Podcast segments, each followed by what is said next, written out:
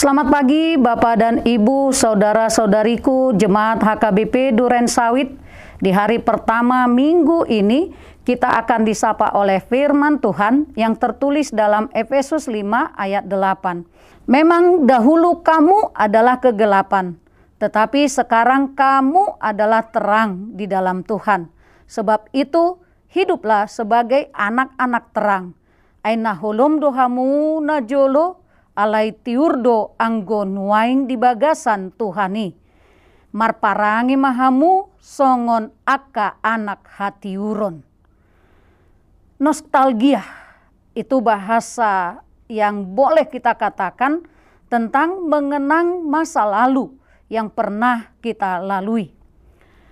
Kalau itu kenangan yang manis, yang baik, yang mengharukan, emosi tercurah di sana tentu tidak mengapa untuk dikenang kembali.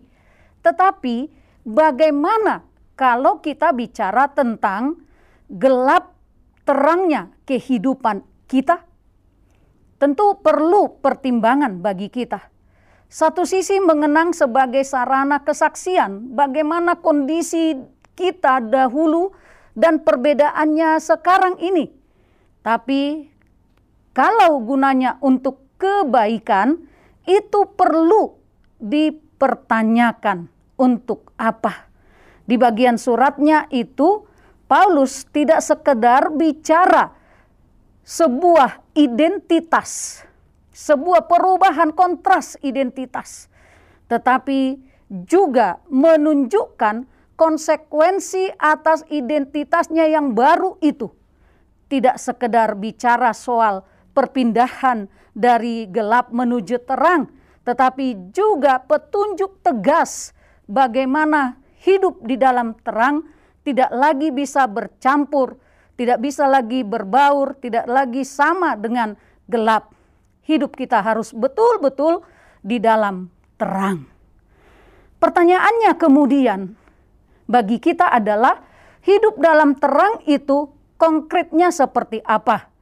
Buah daripada terang itu seperti apa? Buah terang sudah sangat jelas dan gamblang untuk kita cerna, yakni berbuahkan kebaikan dan keadilan dan kebenaran. Boleh kita baca dalam ayat 9. Itu buah hidup terang.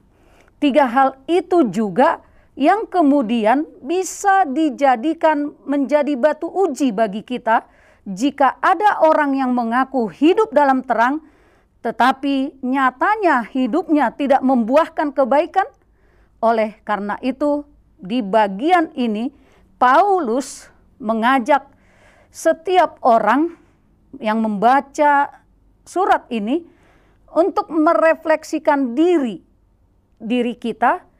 Sudahkah kita menjadi terang? Apakah betul kita itu adalah anak-anak terang. Jika sudah kita menjadi anak terang, maka yang pertama dilakukan adalah mari sama-sama merefleksikan terang itu di dalam hidup kita. Dengan demikian bukan sekedar mengaku, dengan demikian itu harus menjadi sebuah ujian bagi diri kita. Selanjutnya jika betul sudah ada dalam terang, maka sudah pasti hidup kita mencari perkenan Tuhan yang adalah Sang Terang itu, dan Tuhan sendiri, dan bukan orang lain.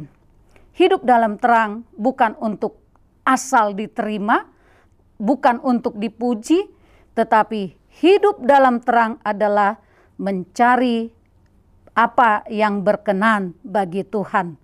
Jadilah lilin-lilin kecil. Saudaraku yang dikasih Tuhan, supaya kita sehat, orang lain sehat, tetaplah menjaga protokol kesehatan dengan pakai maskermu, cuci tanganmu, dan jauhi kerumunan. Tuhan Yesus memberkati kita berdoa.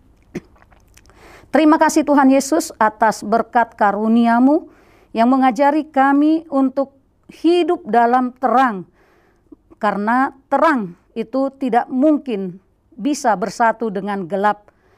biarlah Tuhan melalui roh kudusmu kami dimampukan untuk menjadi anak-anak terang yang hidup berkenan kepada Tuhan. Dalam Kristus Yesus kami berdoa. Amin.